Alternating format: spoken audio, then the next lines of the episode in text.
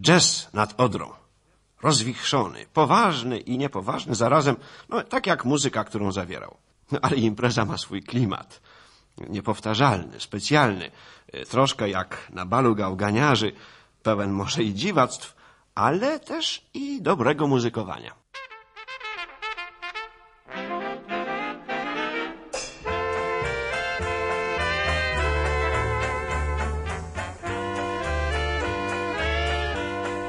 Przez ileś dni byliśmy w innym świecie. Dokładnie, bo nic nas nie interesowało wokół. Ten jazz był muzyką wolności, enklawa wolności, prawda? Odrzucenie codziennej szarości na, na tych parę dni. Ach, to była atmosfera straszna.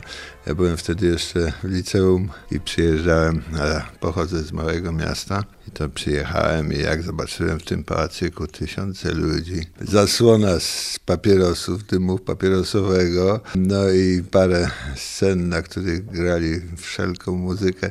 Wtedy zaczynało się free, tłumy były. Jak pałacyk to wytrzymywał, to, to aż się co dzisiaj dziwię. W tym szarym świecie wtedy to było coś niesamowitego, bo no, ulica Kościuszki była normalna, ale już w pałacyku za bramą już się działy rzeczy takie niewyobrażalne nie? w tamtym czasie. Dlatego tak to przyciągało. Przyjeżdżali z wszystkich demoludów młodzi ludzie na, na festiwal, ściągali z NRD, z Bułgarii. No, szał, dziewczyny szaleją, chłopaki szaleją. Wino, grzaniec i inne wzmacniacze nastroju działały, prawda? No, cała bohema wrocławska, nie tylko, no, zjeżdżali z całej Polski.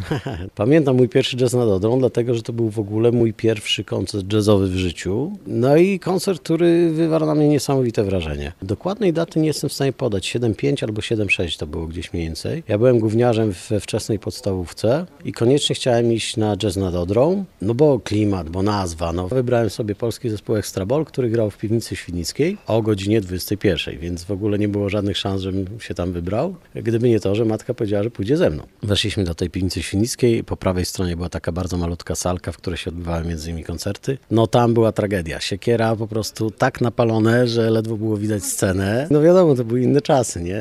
Najarane, stężenie w powietrzu było jakieś 7 promili mniej więcej, alkoholowe, no i zespołu jeszcze nie było na scenie, wszyscy się tam się kręcili, ogólnie panował taki e, artystyczny bałagan. 15-20 po, po dziewiątej mama coś tam się zaczęła niecierpliwić, a tu dalej nic, nie? No i gdzieś tam koło wpół do, pamiętam jak dziś, weszli jacyś tam panowie na scenę, którzy wnieśli piwo. Piwo wtedy było takim towarem trudnym do zdobycia raczej. A już zwłaszcza na takich festiwalach, gdzie trzeba było tego dużo, dużo więcej niż normalnie, wnieśli piwo dla zespołu na klapie od fortepianu. I dopiero wtedy zespół pojawił się na scenie i tak już mieli po dwa promile co najmniej i zaczęli grać. No ja byłem po prostu w szoku. Ja byłem w szoku, klimat był niesamowity, nie do końca może jeszcze rozumiałem tę muzykę, ale to nie o to w ogóle chodzi. Podobało mi się strasznie. Koncert się skończył gdzieś tam koło północy. Ja i tak prawie do rana nie mogłem spać, kurczę, także do szkoły poszedłem niewyspany z emocji. No oczywiście, że z emocji, to był dla mnie w ogóle inny świat. No to, to było coś niesamowitego.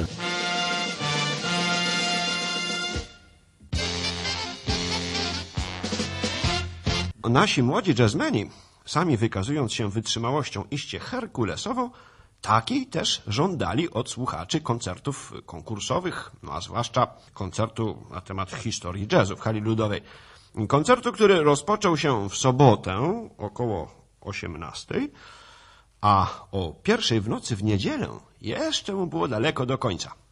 Ile trwał, nie wiem, bo się już załamałem. No dzisiaj, przed samym wejściem do studia, otrzymałem wiadomość, że już się podobno zakończył. Przez szereg lat to nie wychodziła nigdy punktualność. Były koncerty, które się, pamiętam w Dolmelu, w takiej sali i, i tam były nieraz opóźnienia kilka godzin. To, to koszmar był w niektórych sprawach. W tamtych czasach, dziś to naprawdę dużo łatwiej zorganizować, mając pieniądze oczywiście. W tamtych czasach problemem były też pieniądze, ale problemy były organizacyjne, hotele, prawda, w ogóle zgody na przyjazd, jeśli chodziło o za- zagranicznych, tam z Pagartem, inne kombinacje. No nie było lekko. Często muzycy się, zwłaszcza zagraniczni, się spóźniali, bo ich przetrzymali na granicy, bo coś tam, bo część puścili, a część nie, więc musieli na przykład zagrać w mniejszym składzie. No różne rzeczy się jakieś tam wydarzały, ale ja myślę, że to są, przy takim dużym przedsięwzięciu, myślę, że to są rzeczy normalne, przynajmniej wtedy były. To była komuna, weźmy to pod uwagę.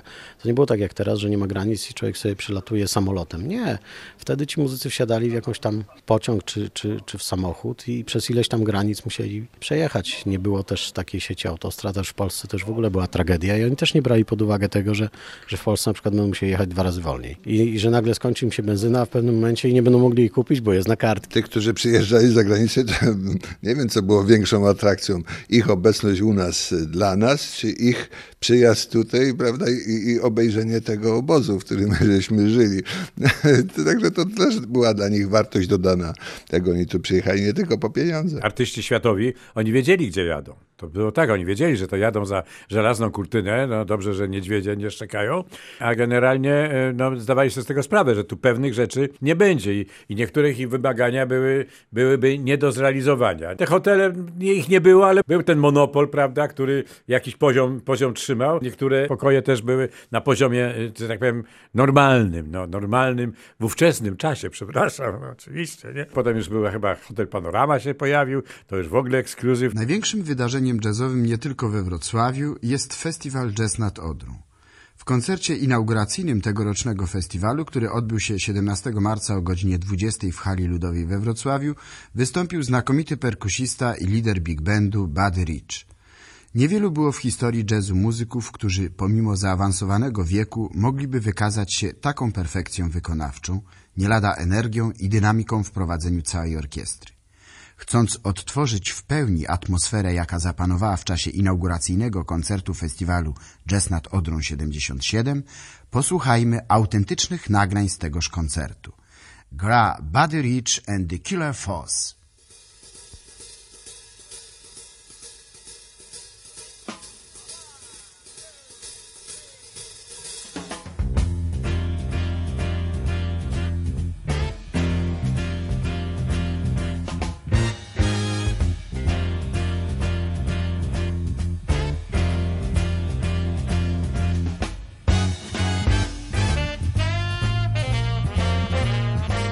No to były śmieszne czasy, no cudaczne i pod tym względem. Ja miałem taką przygodę, na przykład, że jak byłem dyrektorem festiwalu w 1979 roku, to przyznaliśmy jedną z nagród, Pałacyk, bo byłem dyrektorem też Pałacyku przy okazji, daliśmy Krzesimirowi Dębskiemu. Zobowiązaliśmy się mu tam co miesiąc tysiąc złotych dawać.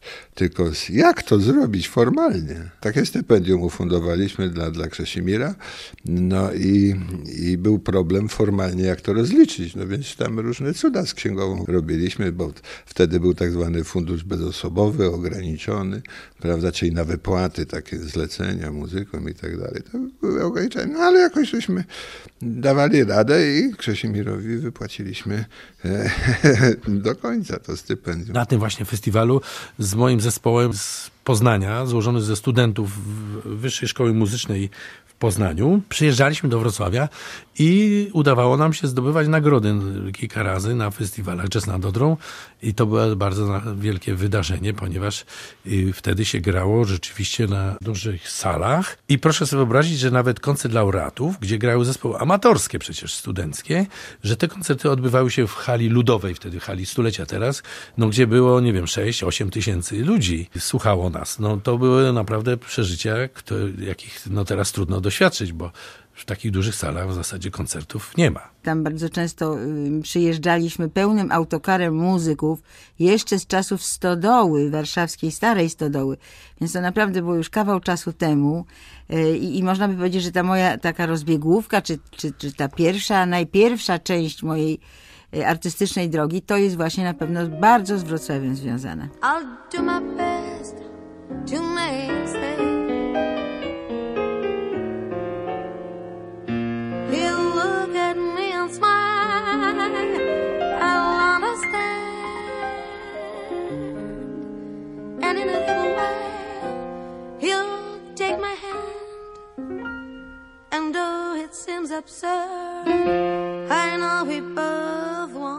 Stodoła, hybrydy, studenckie kluby warszawskie organizowały całe wycieczki. No. W tych- tym autobusie byli zarówno muzycy, jak i dziennikarze, jak i normalnie kibice. Także te, te wesołe autobusy dojeżdżały do Wrocławia. Drugim takim wesołym środkiem transportu był ekspres Odra, który wyjeżdżał z Warszawy chyba, nie wiem, o godzinie 6, czy coś takiego i, i we Wrocławiu był koło południa i tym ekspresem przyjeżdżała cała, cała elita prawda, polskiego jazzu na jazz nad Odrą i natychmiast udawała się do hotelu Grand naprzeciwko e, dworca I Hotel Grand był znakomitym miejscem e, festiwalowym również. W hotelu Grand był barek hotelowy. Barek hotelowy dostępny tylko dla gości hotelowych, w związku z tym taki ekskluzyw malutki, w związku z tym w tym barku hotelowym życie e, festiwalowe również kwitło od rana. Zresztą myśmy biuro organizacyjne wówczas też przenosili do, do hotelu Grand, bo tam było wygodniej. Nie, nie mieliśmy czasu mieszkać w domu, w związku z tym mieszkaliśmy, wynajmowaliśmy apartamenty w hotelu Grand i tam biuro festiwalowe całe działało. W Pałacyku cały czas był bankiet, cały festiwal, był, no tam się jadło i spało, niektórzy no, przebywali tam non-stop. Były jam session, to nie było takie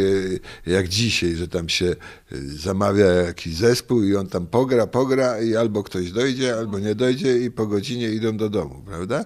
Jam session trwały do dziewiątej rano, do ósmej, do dziesiątej, nieraz się nie kończyły, w ogóle tragedia, bo na przykład no, dęciacy to tam mogli sobie każdy wyjść i grać, ale pianista, perkusista, jeden jest w zespole. Jak się jeden dorwał, to, to, to następni się nie mogli do tego przez parę godzin zbliżyć do tej perkusji czy do pianina. Tam się cały czas żyło tą muzyką, no, gadało, żyło, jadło, piło, słuchało, grało, no, co kto lubił. Polskie Radio Wrocław, Studio 202.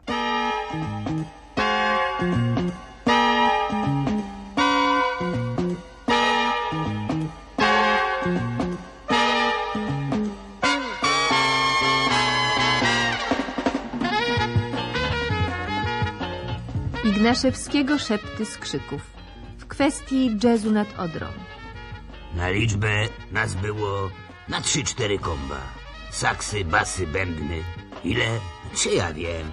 Kumpel się ucieszył. Chłopaki, jest bomba. Strzelim se po jednym i robimy dżem. Trzeba nam co więcej? Ręce my splunęli. Ile w mięśniach krzepy, ile w płucach tchu. Razem głos my dali. Klękajcie, anieli. Koleś sam chce solo, na saksie. To lu.